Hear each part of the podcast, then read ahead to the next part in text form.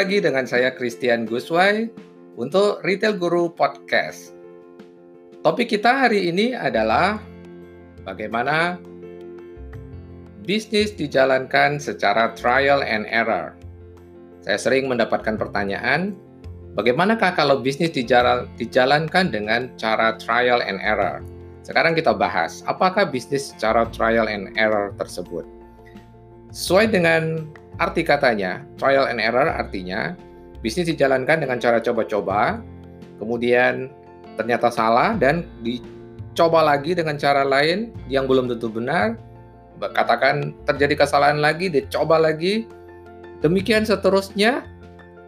Itulah bisnis yang dilakukan secara trial and error. Pertanyaannya, apakah bisnis bisa tumbuh dengan cara demikian? Jawabannya bisa.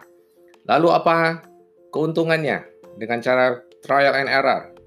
Keuntungannya cepat. Anda langsung saja main tabrak saja dan Anda bisa segera mulai.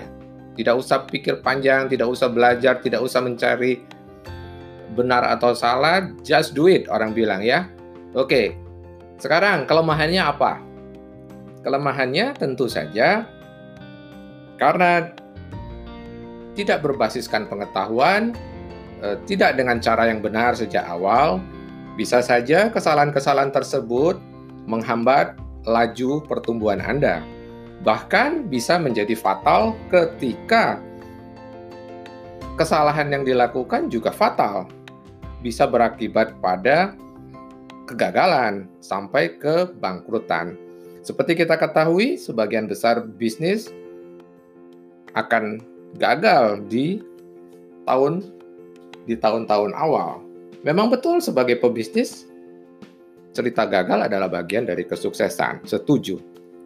Tetapi ada kutub yang berbeda. Kalau Anda bisa lakukan secara trial and error, berarti Anda juga bisa melakukannya benar sejak awal. Lalu mengapa Anda tidak memilih jalur yang satu lagi? Benar sejak awal. Lakukan bisnis benar sejak awal.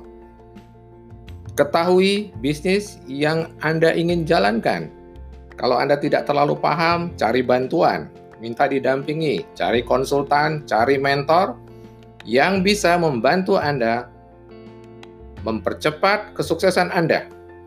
Kita tidak perlu mengulangi semua kesalahan yang sudah dilakukan oleh orang lain untuk menjadi berhasil, untuk menjadi tahu itulah gunanya belajar dari orang yang kompeten, orang yang memahami bisnis tersebut. Ya. Jadi ada dua kutub, trial and error atau benar sejak awal. Pilihan di tangan Anda. Anda lah yang akan melakukan, Anda yang menentukan. Anda mau menempuh jalur yang mana? Ya.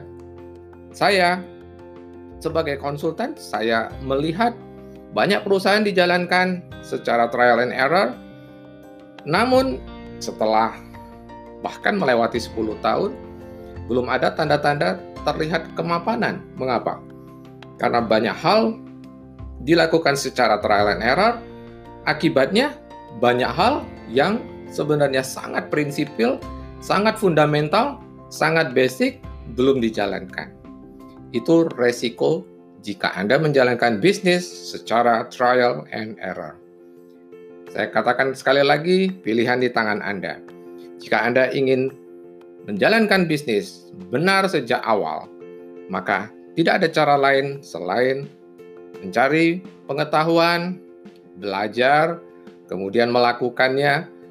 Jika Anda membutuhkan bantuan, cari konsultan yang berkompeten. Cari mentor yang berpengalaman yang bisa membantu Anda berhasil lebih cepat. Anda tidak perlu mengulangi semua kesalahan untuk berhasil lebih cepat. Demikian topik kita kali ini. Semoga menginspirasi. Salam, grow and prosper.